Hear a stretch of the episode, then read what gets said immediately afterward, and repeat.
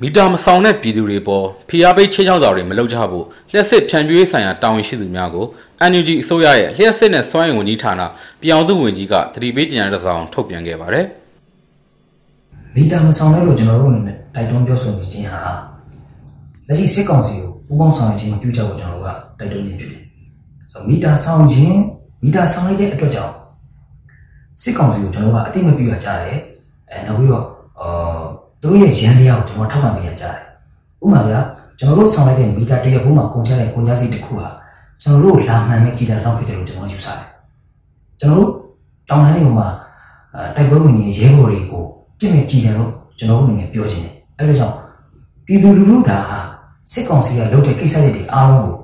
မပူပေါင်းမဆောင်ရွက်တဲ့ဒီစစ်ကောင်စီက ရှေ့ဆက်တိုးဖို့အတွက်ကိုအများကြီးခက်ခဲကြုံရနိုင်တယ်။အဲ့ဒါပြည်သူတယောက်ချင်းစီတမိသားစုချင်းစီကလုံးဝမတော်နိုင်ဖြစ်တယ်လို့ကျွန်တော်ကယူဆတယ်ဒီကာလမှာပြည်သူအားလုံးတအိမ်ချင်းစီမိသားစုတစ်ခုချင်းစီကားနေပြီးတော့မိသားမဆောင်ခြင်းနဲ့မိသားမဆောင်ခြင်းဖြင့်စစ်ကောင်စီကိုတော်လှန်ကြပါလို့ကျွန်တော်တို့ဒီကနေ့တိုက်တွန်းနေပါတယ်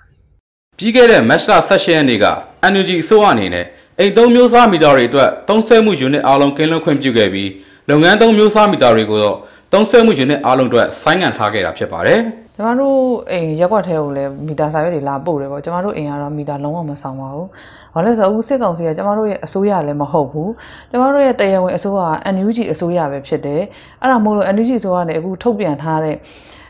အိမ်သုံးအိမ်သုံးမိသားတွေဆိုလို့ရှိရင်အခမဲ့အခမဲ့စောင့်ရမလို့ဘူးဆိုတဲ့အတိုင်းစာထုတ်ထားတယ်အဲ့တော့ကျမတို့ကကျမတို့အစိုးရကပြောတဲ့အတိုင်းပဲမိသားကိုလုံးဝမဆောင်ပါဘူး မြန်မာနိုင်ငံမှာစစ်ကောင်စီမှအာဏာသိမ်းပြီးနောက်ပိုင်းပြည်သူတွေအနေနဲ့မိသားမဆောင်ကြဖို့အပောင်းဝင်ဘူးတပိတ်ကမ်ပိန်းတွေကိုဆက်လက်လှုပ်ဆောင်နေကြပြီးလက်စစ်ဖြန့်မြူရေးဘက်ကလည်းမီတာတောင်းခံခြင်းတွေကိုဇွန်လဆန်းလောက်မှာစတင်ပြုလုပ်လာကြပါတယ်